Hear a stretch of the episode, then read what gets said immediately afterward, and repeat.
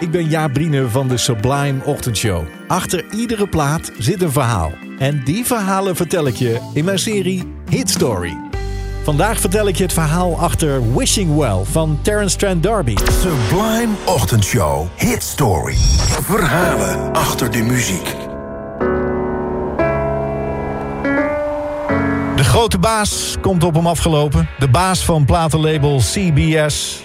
Dat is het label dat zijn debuutalbum gaat uitbrengen. Het is 1987. Terence Trent D'Arby is 25 jaar. En hij heeft net samen met zijn manager een gesprek gehad. Niet met deze grote baas, maar wel met wat andere mensen. Die grote baas, daar heeft die Terence niet zoveel mee te maken. Gelukkig maar. Maar bij de uitgang van het kantoor in New York komt hij hem wel tegen. Ik hoor goede dingen over je, zegt die baas. En over je album. Maar dat ene nummer, dat uh, Wishing Well, dat moet je even opnieuw inzingen. Nou heeft hij veel respect voor deze man. Deze vent zit al jaren in het vak. Hij zat in de Spencer Davis Group vroeger. Hij heeft het eerste album van Dire Straits geproduceerd. Maar Terence Trent denkt nu, wat een idioot. Ik weet zelf wel hoe ik mijn album moet klinken. En dat lied, dat Wishing Well... dat heb ik nog niet eens zo heel lang geleden geschreven en ingezongen. En het is perfect. Terrence weet dat hij goede liedjes schrijft. Eigenlijk sinds hij in Berlijn terecht kwam en de muziek ontdekte. Cassettes vol met demo, demo-liedjes nam hij daarop. En een van die cassettes kwam terecht bij een jonge A&R-manager... zoals dat heet, iemand die nieuw talent ontdekt. En die haalde hem naar Londen om daar verder aan zijn muziek te werken. Terrence logeert nu in het huis van een bassist en zijn vrouw en dochter. En in een van de kamers is dan een kleine studio gebouwd... waar hij zijn demootjes opneemt. En op een dag komt hij terug van een afspraak... en hij hoort een soort langgerekt synthesizergeluid... met daaronder een drumbeat. Wat is dat, joh, vraagt hij. Oh, we zijn een beetje aan het klooien geweest, zegt die bassist. En Terrence krijgt opeens inspiratie. Die klinkt goed, man. Geef me even 10 minuten. Hij gaat naar zijn slaapkamer en begint te schrijven aan een tekst.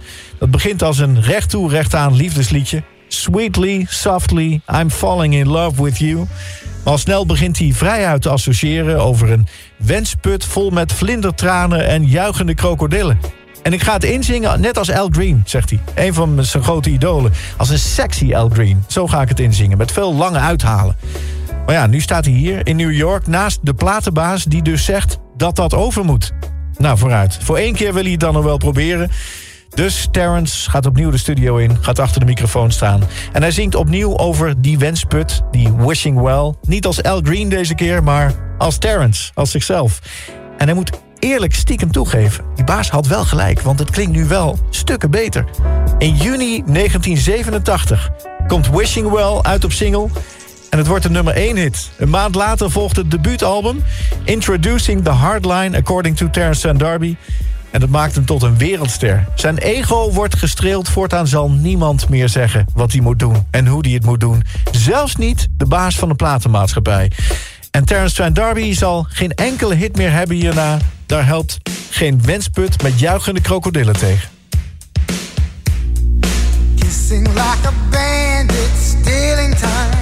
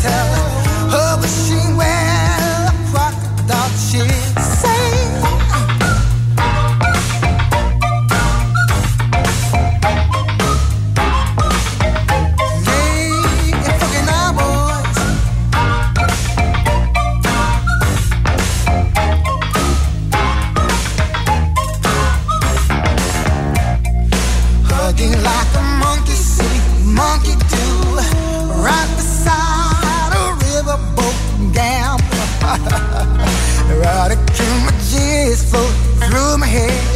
Say I wanna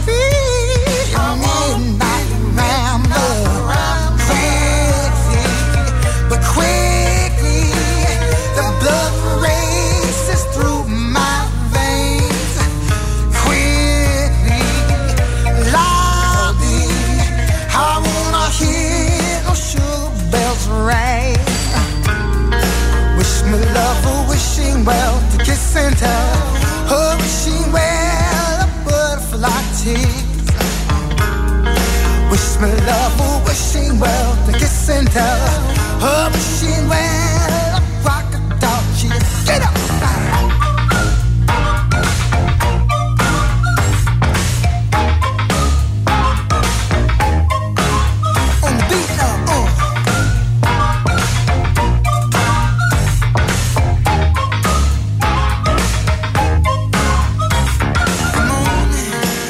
wish me love, oh, wishing well to kiss and tell. Her wishing well, a butterfly tears. Come on, and wish me love,